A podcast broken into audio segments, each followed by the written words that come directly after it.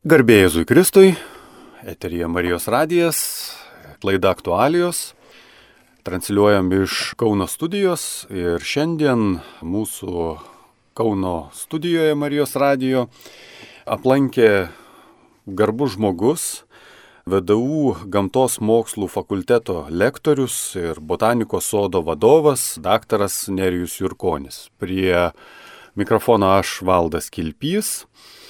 Ir kaip jau supratot iš mūsų svečio titulo, šiandien mūsų tema tiesiogiai siejasi su ekologija, su aplinkosauga, galbūt apie tas savokas mes dar pasišnekėsim, nes daugelis jas painioja.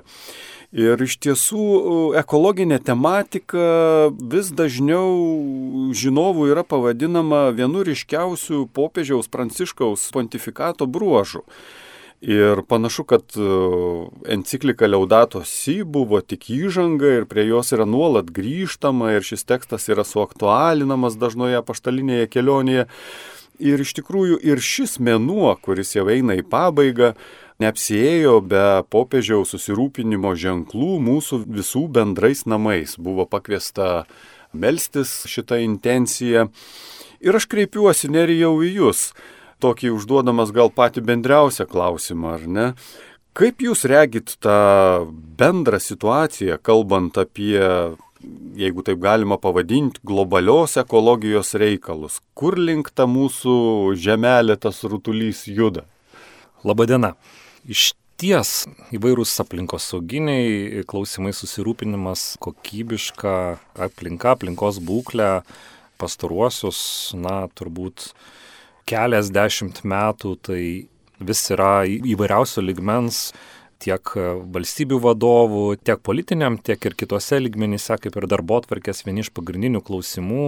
Ir, na, su tais iššūkiais nelabai sekasi tvarkytis.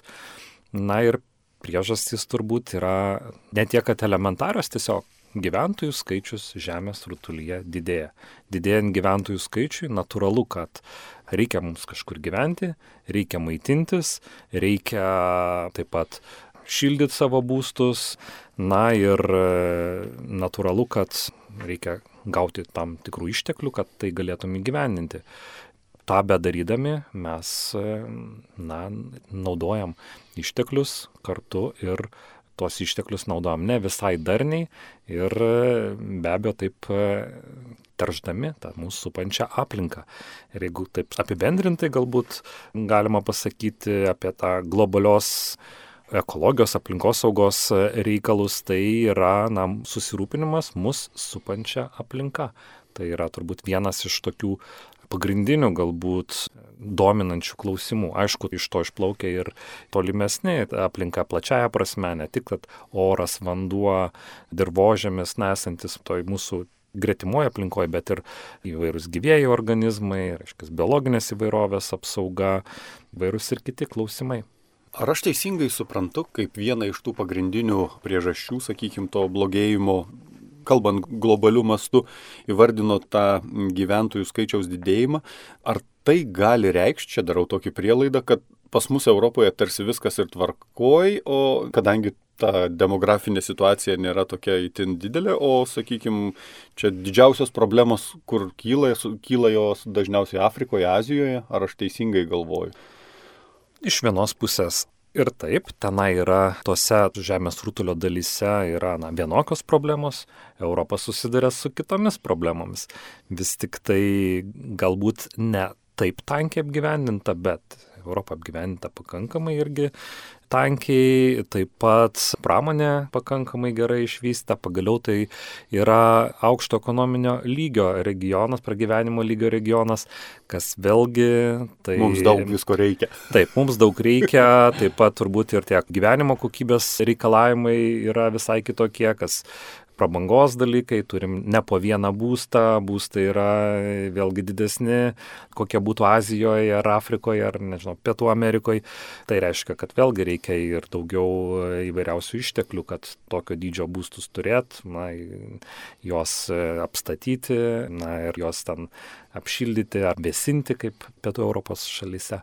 Va, na ir turbūt kitas dalykas tai, kad e, gyvenam na, tam ekonominio klėstėjimo, bent Europą šiuo metu laikotarpį, nežiūrint į pandemiją, į tas situaciją, bet na, mes vartojam daug ir patys turbūt kritiškai pasižiūrėję ir savo pirkinių krepšelį, ir, ir namuose turimus daiktus, kad, na, jų mes dažnai turim daugiau, negu mums realiai reikia, prisiperkam irgi to, ką mes dalį turbūt visai net nesunaudojam, baigėsi ir galiojimo terminai ir, ir tada išmetame, tai turbūt to nebūtų, jeigu mūsų na, lėšos būtų, pajamos būtų mažesnės, galim taip sakyti, šiek tiek skurdžiau gyventumėm, tai turbūt nežymiai taupiau naudotumėm. Tai kai yra ta ekonominė gerovė, tai turbūt ir nesuki galvos dėl to.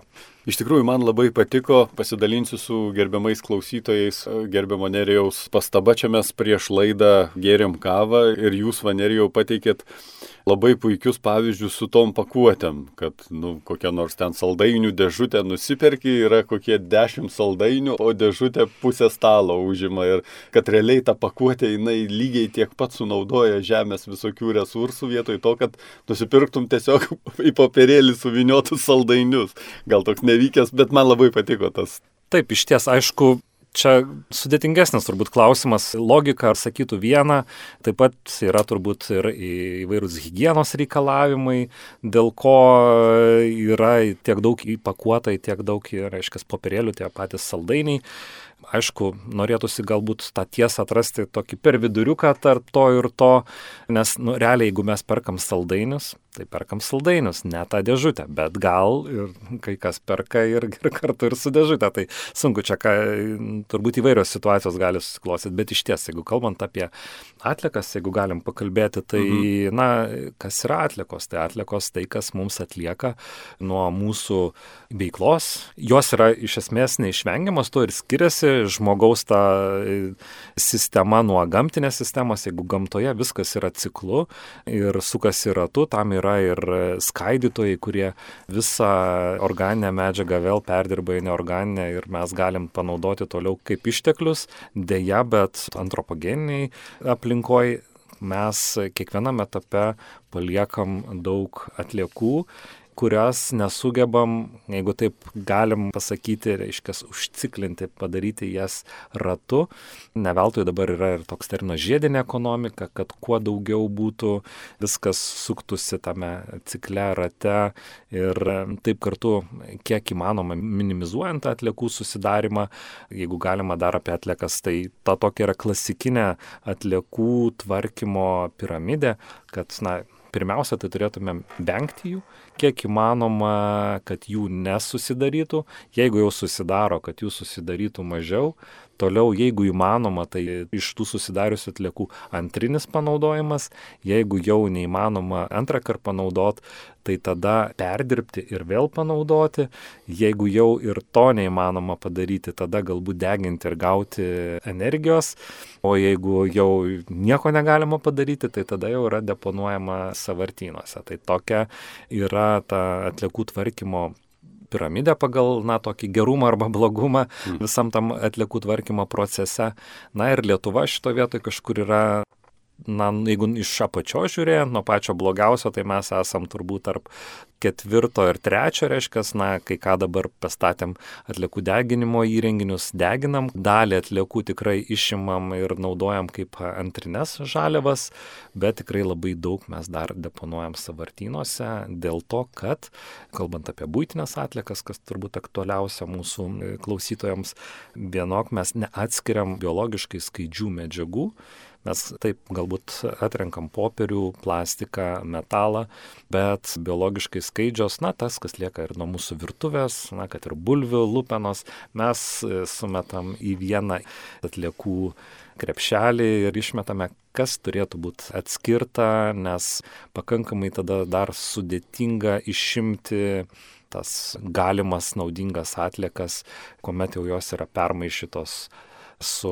biologiškai skaidžiom atlikom, kurios yra kaip tik kompostuojamos ir skaidytojai čia jau pasidarbuotų ir mes jas įciklintumėm ir jos virstų na, įvairiausiais cheminiais junginiais per kompostą, aiškiai, vėl dalyvautų visam tam cikle.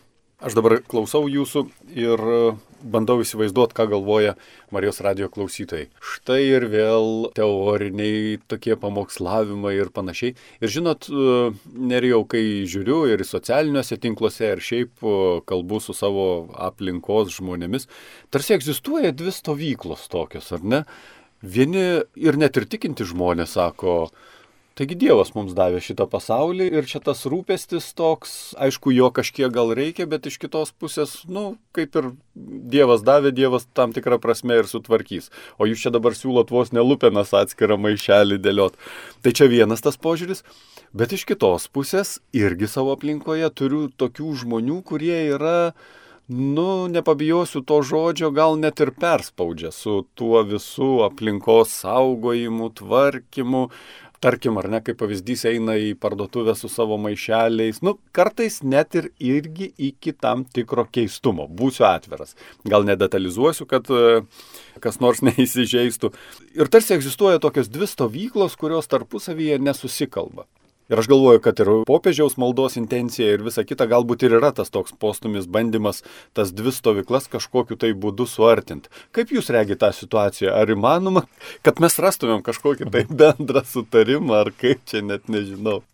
Taip, geriamas Aldai, jūs gerai, gana taikliai čia nupasakojot visą tą situaciją. Iš ties yra ir tokių pakankamai kraštutinumų nuo turbūt to tokio visiškai vartotojiško galbūt požiūrio, kad, na, man tai nėra svarbu, galbūt kažkas kitas ten turi tuo pasirūpinti, arba kažkaip tai įsispręs, ar tam po manęs nors ir tvanas. Iš kitos pusės yra ir galbūt ir toks perdėm, perdėtas tas požiūris, arba net ir gyvensena, bet tai, na, turbūt irgi tam tikras pasirinkimo dalykas. Vėlgi, turbūt reiktų kalbėti apie tam tikrą sistemą, nes pavieniui turbūt galima sakyti, na, yra tas ir toks požiūris, kad mąsty globaliai, veik lokaliai. Taip, viskas, tai, vis, viskas tas yra taip, tikrai teisingai, bet, na, tai turėtų būti vis tiek vesti kažkokios sistemos sukūrimą. Na ir man atrodo, depozito sistema Lietuvoje yra net pateikiamas kaip labai geras, sėkmingas pavyzdys, kaip mes susitvarkėm su tokio tipo atliekomis. Ne? Ir kame pagrindinis šiandien yra turbūt razina to, kad tai yra depozitas, aš jo nenaudoju. Jeigu aš jį sunaudoju, tai aš ir net gaunu už jį suinvestuotus tos 10 euro centų jeigu aš jį gražinu, tai aš čia atgaunu tas investuotas lėšas. Tai kitaip tariant, na, iš esmės žmogui kainuoja surinkti, nunešti į taromatus. Na ir turbūt yra minčių ir plėsti depozito sistemą, nes galėtų tikrai daugiau dalyvauti, galbūt ir tetrapakai, ir, na, ypač galbūt ir kita stiklinė tara, kurios šiai dienai kol kas nesupirkinėja. Tai manyčiau, kad ta sistema galbūt bus plečiama, tai čia toks būtų iš tų gerųjų pavyzdžių. Man dar toks visą laiką vis kirbėdavo ir kirba klausimas, na kodėl kokioj Vokietijoje ta atlieka yra naudingas išteklius, o kitose šalyse, na iš dalies ir Lietuvoje, tai yra jau net kartais Kaip čia jos atsikratyti, net gerbiamas valdas man, kuomet ruošiame šiek tiek laidai, surašė klausimus ir tenai buvo net netlikos minimos, o šiukšlės. Na, jau šiukšlės yra visiškai tokia neigiama, turintis reikšmę konotaciją. Antrą kartą nebenaudojamas daiktas yra. Tas šiukšlės kaip jau pasmerktos. Jau kaip viską. jau ir pasmerktos. Taip, tai, tai mes jau, jau, man atrodo, visuomeniai vis tiek jau įsigalėjo tas, kad mes kalbam apie atlikas, o tos atlikos tai yra nekas kita kaip naudingas išteklis, tik tai galbūt ne netinkavoje vietoje ir ne to laiku, nes jeigu būtų mhm. Vokietijoje, tai galbūt jinai greičiau į apyvartą papultų ir antrą kartą būtų panaudojama perdirbama. Na, dėja, Lietuvoje yra sistema vystoma, judama į priekį, iš ties postumiai yra pakankamai ženklus ir čia turbūt ekologinio švietimo, aplinkosauginio švietimo irgi labai reikia ir man atrodo, kad su tam tikrų laikų keisis kartos ir kas jau bus nuo mažumės įpratę tą daryti ir jeigu tai bus sudaroma auginimo sąlygos, kaip šiuo atveju, vat, kalbant apie taromatus ir depozitą, ko tarp kitko nėra Latvijoje. Ir, ir pačioje Estijoje, ko gero, ne, Estijoje yra, esti, gal prašiau, senesnė sistema, bet jau jie gana senai ją įsivedė. Mhm. Nežinau, kiek ten tų taros rūšių dalyvauja toj sistemai, bet Latvija to neturi. Ir net esat girdėję, kad Lietuva e, eksportuoja savo ten įvairius gėrimus skardinėse ir į Latviją, tai Latvijai gali atvežti į Lietuvą ir priduoti. ir depozitą pasienyje taip ir daro. Ir ta sistema iš ties, man teko su vienu kolega iš Latvijos universiteto Rygoje botanikos sodo, tai jis buvo labai nustebęs, kad kaip čia taip mes šauniai susitvarkėm ir kad taip puikiai ta sistema veikia ir praktiškai iš pakelių, pakrančių, pamiškių šito dingo. tipo, tipo tara dingo. Taip. Iš tiesų, tad manau, kad visi ir klausytojai tai pastebės, kad čia tie keletas metų radikaliai pakeitė situaciją šitoje srityje. Nerijau, jūs vadovaujat botanikos sodui ir aš kažkaip su dideliu susižavėjimu vis stebiu jūsų kartais tas skelbiamas akcijas, tarkim, kad ir buvo švento rašto augalai ir toks, net nežinau kaip ir pavadinti, programa ar, ar kaip ten edukacija. Ir žinot, aš pagalvojau pats apie prieš tai buvusi klausimą apie tų dviejų stovyklų sutaikymą. Galbūt švietimas, galbūt uh, kažkokios tai, nežinau, programos ar panašiai padėtų įgyvendinti tą popiežiaus kvietimą, gal tiesiog pasidalinkit savo mintimis šioje srityje, nes tiesiogiai susidarėte savo darbe ir aš kažkaip, va būtent jūsų vadovaujamam botanikos sodui kažkaip taip, nu man kaip ir pavyzdys, kada tokia daili vieta prižiūrėta, teisingas požiūris į tą aplinką ir tu nuėjęs galbūt net ir išeini stipriai, gal net ir pasikeitęs, gal taip pasakyčiau. Tai dėkui už gražius žodžius, kad mūsų veikla yra matoma ir pastebima. Botanikos sodų paskirtis didžiaja dalim tai yra susijusi su ugdomąją veikla. Aišku, universitetiniai botanikos sodai, koks ir yra Vytauto didžiojo universiteto botanikos sodas Kaune, tai pirminė jo funkcija tai būtent studentams kaip mokymo bazė, kaip praktikų bazė. Taip pat ten atliekami ir įvairūs moksliniai tyrimai su augalų aklimatizacija, su įvairiausių ir naujų veislių išvedimu, taip pat vėlgi įvairūs kenkėjai, žiūrim vėlgi kaip galima kovoti, na, jeigu tai tą galim pavadinti, arba išvengti ar sumažinti jų daromą žalą ir panašiai. Kitas dalykas, kad botanikos sodas iš ties labai svarbus kaip edukacinė erdvė, pats sodas jau iš savęs yra kaip jeigu teisingai ten ir įdomiai sudėlioji ekspozicijas, lankytojai jau vien ne tik, kad gėrisi augalais, bet kartu per tai gauna kažkokių tai žinių. Na, pavyzdžiui, turime prieš porą metų įsteigę gruntą valančių augalų ekspoziciją, kuri grinai yra aplinkosauginė. Tai augalai, kurie auga tam tikromis medžiagomis, kenksmingomis, pavojingomis medžiagomis užterštame dirbožėmėje ir per savo veiklą tas į mažiau kenksmingus e, junginius perverčia arba sukaupia savyje savo įvairiausiose na, šaknyse, gumbuose, stiebuose tas medžiagas ir taip išvalo tą dirbožymį. Tai jau žmonės matydami, skaitydami, dar jeigu ir edukacinėse veiklose, sudalyvauja, įgauna žinių apie na, tokius procesus. Šitas procesas vadinasi fitoremediacija, kuomet augalai panaudojami dirbožėmio užterštumo mažinimui. Taip pat labai daug dirbam su jaunaja karta, bet jaunaja jau nuo pat darželių ir įvairūs edukaciniai užsiemimai tiek apie augalus. Dabar vienas iš tokių jau turbūt gal gerą dešimtmetį svarbių klausimų tai yra babžiai apdulkintojai, kas vėlgi dėl gana intensyvios chemizacijos žemės ūkija kai kurių ir invazinių rūšių plitimu, bičių ten populiacija sumažėja ir aišku tada augalai neapdulkinami, o tai yra tiesiog kompleksas, ta sudėtinė tos ekosistemos gyvavimo dalis. Nunykus kažkuriai tai rūšiai, būtent vabžių, gali labai nukentėti visa grandinė. Tai kaip pavyzdys viena iš temų, kurio mes bandome pristatyti, sudominti jaunąją kartą, juolab, kad daugėja vaikų, kurie, na, turbūt mano ir pačio valdai, turbūt, na, seneliai ir iš kaimų. Ir mes vasaras praleisdavome belakstydami, besikarsydami, reiškia, jeigu su, su, susižeidėjai, žinai, kad tai yra kraujažolė arba gislotis tau gali padėti ir, ir panašiai.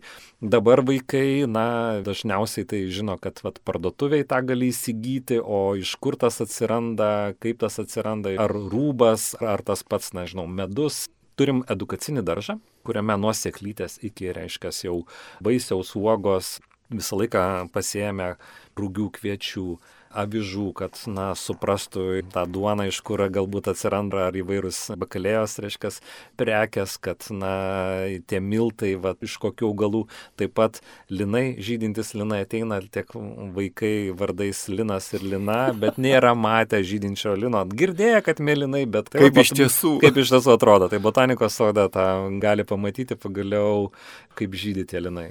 Žabu. Primenu, kad e, studijoje vieši Vytauto didžiojo universiteto gamtos mokslų fakulteto lektorius, botanikos sodo Kaune vadovas, daktaras Nerijus Jurkonis, prie mikrofono aš valdas Kilpys. Ir žinot, šitoje vietoje man įdomu prisiminti ir praeitų metų popiežiaus mintis apie ekologinės nuodėmės. Jis kalbėjo vienoje iš audiencijų, kurioje buvo priėmęs Tarptautinės baudžiamosios teisės asociacijos kongreso narius. Ir šventasis tėvas sakė, kad vienas iš didžiausių baudžiamosios teisės apsileidimų yra per menkas dėmesys didžiųjų verslo korporacijų nusikaltimams, tarp kurių yra ir aišku ir gamtinių išteklių plėšimas, oro, žemės, vandens tarša, didelio masto faunos ir floros naikinimas, žodžiu veiksmai, kurie greuna ekosistemas ir kelia vos ne ekologinės katastrofas. Kaip jūs regite ne tik teisininkų, bet apskritai, sakykime, Lietuvos, nu, galima ir globaliau pažvelgti, atsakingų valdžios institucijų darbą šitoje srityje? Ar mes esam tokie liberalūs ir prisiminus ir tą patį Grigeo skandalą ir, ir panašius dalykus, kaip tos valdžios institucijos čia tvarkosi? Klausimas labai aktualus ir, na, toks ne vienareikšmiškas, nėra tokio vieno labai paprasto atsakymo. Galim sakyti, taip yra blogai arba jeigu kalbant apie atsakingas institucijas, na tai jos iš niekur neatsiranda, tai yra na, atspindys tai mūsų. mes. Taip, tai esame mes mūsų aukšto mokslo sistemos, specialistų parengimo sistemos, pagaliau valstybės institucijų sąrangos sistemos, nes tai priklauso ir nuo atlyginimų. Jeigu tu versle arba tave gali, nežinau, jeigu taip jau kalbant apie link kažkokios korupcijos, jeigu esi nepakankamai uždirbantis, turbūt gana lengvai gali sugundyti ir kad tam tikrų momentų kažkur užmerkti akis ar praleisti tam tikrus dalykus, tai čia priklauso nuo valstybės korumpuotumo lygio gausybė dalykų. Aišku, kad turbūt reiktų dar kalbėti ir apie verslo požiūrį. Na, verslas visą laiką turbūt ieškos iš vienos pusės, kaip tą atpiginti e, procesą, padaryti pigiau, kartais galbūt, gal ir ne kartais, ir apeinant tam tikrus dalykus, bet iš kitos pusės yra ir pačio verslo tam tikri etikos dalykai ir jų organizacijos. Ir man atrodo, kad po truputėlį situacija tikrai gerėja ir verslas tampa atsakingesnis. Na, jeigu, aišku, tas verslas veikia normaliomis tokiomis sąlygomis, sąlygomis, aišku, kuomet atsiranda kažkokios, na, pat pandemija arba galbūt ekonominis nuosmukis, tada galbūt jau išgyvenimo klausimai įsijungia, bet jeigu normaliai, tai tada lyg ir turėtų ir verslo tam tikri vidiniai procesai, etikos e, suveikti, plus, aišku, valstybė turi laikyti ranką ant pulso, gal taip kartais mėgstama vaizdžiai sakyti, tą aplinkosauginę, jeigu kalbant apie išteklių naudojimą, apie vandens oro taršą, kad tą aplinkosauginę ranką leteną uždėti, kad verslas jaustų tą, kad yra reikalavimai, bet iš kitos pusės negali labai užspausti, nes tada nieko neįvyks. Niek, ne. Na, kaip pavyzdys, pavyzdžiui, aš turiu įmonę, kuri galbūt teršia orą, na, išmeta, reiškia, tam tikras medžiagas į atmosferą ir ką aš, aš tada moku taršos mokestį. Galbūt verta kalbėtis, kad tas mokestis taršos būtų, na, tas lėšas investuoti į filtrų kažkokių pastatymą, o gal net ir technologijos keitimą ir valstybei net prie to prisidėti, kad ta būtų ta tarša sumažinta, o jeigu galima, naujas technologijos, kur galbūt visai arba minimizuoti, arba jos neliktų. Tai tų sprendimų yra vairių, tai panašiai kaip ir su depozito atveju, ne, tai kuomet buvo gyventojams pasiūlytas teisingas toks ir būdas per tam tikrą ekonominį mechanizmą, įtraukiant gyventojus, na ir tai puikiai pasiteisino. Tai turbūt panašių dalykų galbūt ir kalbant apie jau ir pakankamai stambius verslus, bet vėlgi yra tam tikrų verslų, kur tiesiog tai yra kažkoks išteklių naudojimas ir ne kas kita ir tenai jau yra galbūt ateityje naujesnės technologijos ateina, jos galbūt yra mažiau taršios, tai per ypač europinę paramą, na, iš ties tos struktūrinės lėšos ateina. Ir e, tikrai daug, pavyzdžiui, jeigu e, kalbant apie vandens išteklių, tiek apsaugą, tiek vandens užterštumą, tai labai ženkliai daug padaryta. Jo labiau prisiminkim, tas pats Kaunas dar sovietmetį neturėjo normalių valymo įrenginių ir iš esmės visas tiek būtinės būtyje užterštas vanduo, jisai keliaudavo praktiškai tiesiai, tiesiai į Nemuną. Vėliau jau e, Marvelėje pastačius iš pradžių mechaninio valymo įrenginius, vėliau jau ir biologinio valymo įrenginius, ženkliai pagerėjo ir pačio ir Nemuno būklė, ir viso Nemuno žemupio, to pačiu ir kuršių marių e, būklė. Tai daugybė investicijų tiek ir į e, vandens taršos mažinimą, ir į oro taršos mažinimą. Transportas vienas iš tos sektorių, kuris pakankamai daug teršia, aišku, vėlgi iš kitos pusės mes ir labai daug naudojamės Dabar kiekviena šeima turi ne po vieną automobilį. Čia jau įsijungia galbūt ir tam tikros pasaulinės, europinės priemonės, kurios jau skatina arba netgi priverčia mus persėsti į mažiau taršius, galbūt į hybridinius automobilius, kas greičiausiai ir po truputėlį, bet juda link to, kad tai bus ateitis. Ogi prisiminkim, visai neseniai dar buvo ir benzinas su švinu ir jis buvo pigesnis negu kitas jau brangesnis benzinas, kuris jau buvo bešvinis, ne? Dabar jau jaunesni turbūt ir net neatsimena, kad, kad buvo toks kuras. Klausau jūsų ir galvoju, kad ko gero, ar galima padaryti tokią išvadą, kad vis tiek geriausias efektas yra pasiekiamas, kada veikiama tarsi dviejomis kryptimis. Iš vienos pusės ir ką daro popiežius išleidę savo encikliką Leudatosi ir kiti garbus žmonės, kad veikiama per tą samoningumo didinimą, per edukaciją, bet iš kitos pusės tu negali atmesti ir būtent to veikimo per ekonomiką. Ir čia turbūt tas gražus pavyzdys yra, va, kai kurį jūs nekartą jau minėjot, tas depozito situacija. Atrodo, juokingi 10 centų. Kas tai yra? Bet jeigu tu skaičiuoji, taupai, ir aš netgi žinau tokių šeimų, kurios net ir tam tikras tokias tradicijas jau yra sukūrę, ekologinės tradicijas. Tarkim, viena šeima mano gerai pažįstama, visus pinigus, kurie yra, vadinkim, uždirbti arba atgauti, aišku, tiksliau būtų sakyti, per depozitą atiduoda vaikams. Ir vaikai tikrai pamatė tėvus išmetančius ten kokį buteliuką, klykiant nesavais balsais, nes išmetami jų pinigai. Taip, iš ties tai kai yra įsitraukę per vaikus ir tėvai, ar per tėvus vaikai, tai yra nu, turbūt pats efektyviausias būdas. Aš pats atsimenu save, galbūt pradinukas tuomet buvau, ar, na nežinau, kokia ten buvo pamokėlė apie elektros energijos taupimą. Tai kuomet atsirado televizorius pas tėvus, tai aš, na, sakykime, televizorius padirbdavo įjungus 10 minučių, aš prieidavau, sakydavau, jau labai išylo, reikia išjungti. Priversdavau tėvus taupyti. Aišku, čia galbūt kaip juokas nuskambėjo, bet iš ties vaikai yra labai svarbu investuoti, na, jeigu taip vėlgi galima taip pavadinti, bet į tą vaikų intelektinį kapitalą kartu ir edukuojant ekologinio samoningumo, kad tai taptų jiems įprasta veikla, tiesiog tu net nesuki tada tada galvos, tau nekyla net klausimas, tiesiog žinai, kad, Būtent, kad, kad, taip, reikia. kad taip reikia elgtis ir taip elgies. Čia dažnai na, tas klausimas vėlgi višta ar kiaušinis, taip. arba buvo diskusijos seniau dviračiai ir dviračių takai, kas pirmą turėtų, ar daug atsirasti dviratininkų, tada dviračių takai, ar gal kaip tik turi dviračių takai, tada atsiras dviratininkai. Bet man atrodo, kad tai turi eiti lygiagrečiai, nes kaipgi kitaip. Tai čia irgi turėtų būti tiek tas švietimas, visom prasmėm, tai ne tik ir jaunąją kartą, bet ir visą visuomenę, tiek ir sistemos sukūrimas. Nes jeigu sistemos nebus, na tai mes to negalėsim įgyvendinti, nes tada žmonės ir nusivilia dažnai. Vis man pateikdavo pavyzdį, kad mes vad surušiuojam, o atvažiuoja reiškia, jau komunalinės organizacijos aptarnaujančios, reiškia, automobilius ir tos konteinerius supila į vieną. Tai žinokit, irgi dažniausiai tai yra ne iš e, kokio nors blogos valios ar dėl ko. Tai kai tik yra ekonomija, dėl to, kad nevežioti tuščio oro, tas supiltas konteinerio turinys jis yra supresuojamas ir po to jį išpylus tie supresuoti gabalai labai lengvai atsiskiria ir popierius atsiskiria nuo plastiko labai lengvai.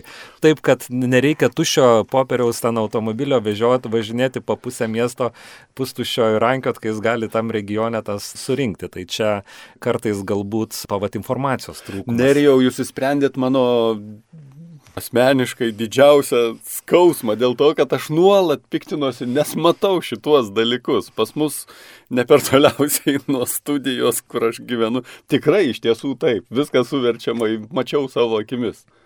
Ir štai jūs paaiškinot. Nuostabu. Tai čia, vėlgi čia, čia, čia turbūt pavyzdys, kad tos informatumo trūksta, suteikti informaciją, kaip ta sistema veikia, aišku, visos sistemos nėra be trūkumų. Tobulinti yra, yra, yra kur. Jeigu kalbant apie atliekų, galbūt nepakankamos vietos, pasiekiamumas tų konteinerių, išvežimo dažnumas, pagaliau piliečių samoningumas, kuomet jie prie jų privelka e, tų atliekų, kurių ten neturėtų būti, apkrauna greta, nors vėlgi yra stambia gabaričio atliekų surinkimo aikštelės, kur vėlgi galima atvežti ir palikti seną, nežinau, fotelį, šaldytuvą. Taip, taip. Na, bet čia jau truputį galbūt kiti klausimai, bet iš ties užsieniečiai aplankė Lietuvą, jie Lietuvą vertina kaip švarę šalį, kaip gerai besitvarkančią tikrai neblogai. Tai mm. galbūt tik tai, kad dalis tų atliekų, na, galėtų, vėlgi, kaip sakiau, idealiu variantu apsisukti. Tai būtų panaudojama antriniam, perdirbama daugiau, o ne sudeginama arba keliautų į savartyną. Mūsų laidos laikas nenumaldomai eina į pabaigą, bet e, aš turiu dar vieną klausimą ir siūlau truputėlį kreipti mūsų žvilgsnį iš tų tokių, sakykime, gerų naujienų į truputėlį globalų požiūrį, ne? Tarkim, pakalbėkim apie drugelio efektą, ar ne? Ir jo sąsąją su asmeniniu apsisprendimu, kaip elgtis gamtos aplinkos atžvilgių. Klausytojams primenu, kurie nežino to drugelio efekto teorijos, kad e, yra tokia teorija ir moksliniai literatūrai idėja, kad drugelio sparnai gali sukurti, kad ir nedidelius pokyčius atmosferoje, kurie gali pakeisti labai didelius dalykus. Ten tornado kelią, galbūt net e, pagreitinti arba sutrukdyti jo atsiradimą. Žodžiu, kad mažas pokytis padaro didelius dalykus. Ir šita prasme, kiekvienas mūsų neperdirbtas plastiko butelys ar, ar miške kažkokia palikta šiukšlė gali tapti didžiulę nelaimę.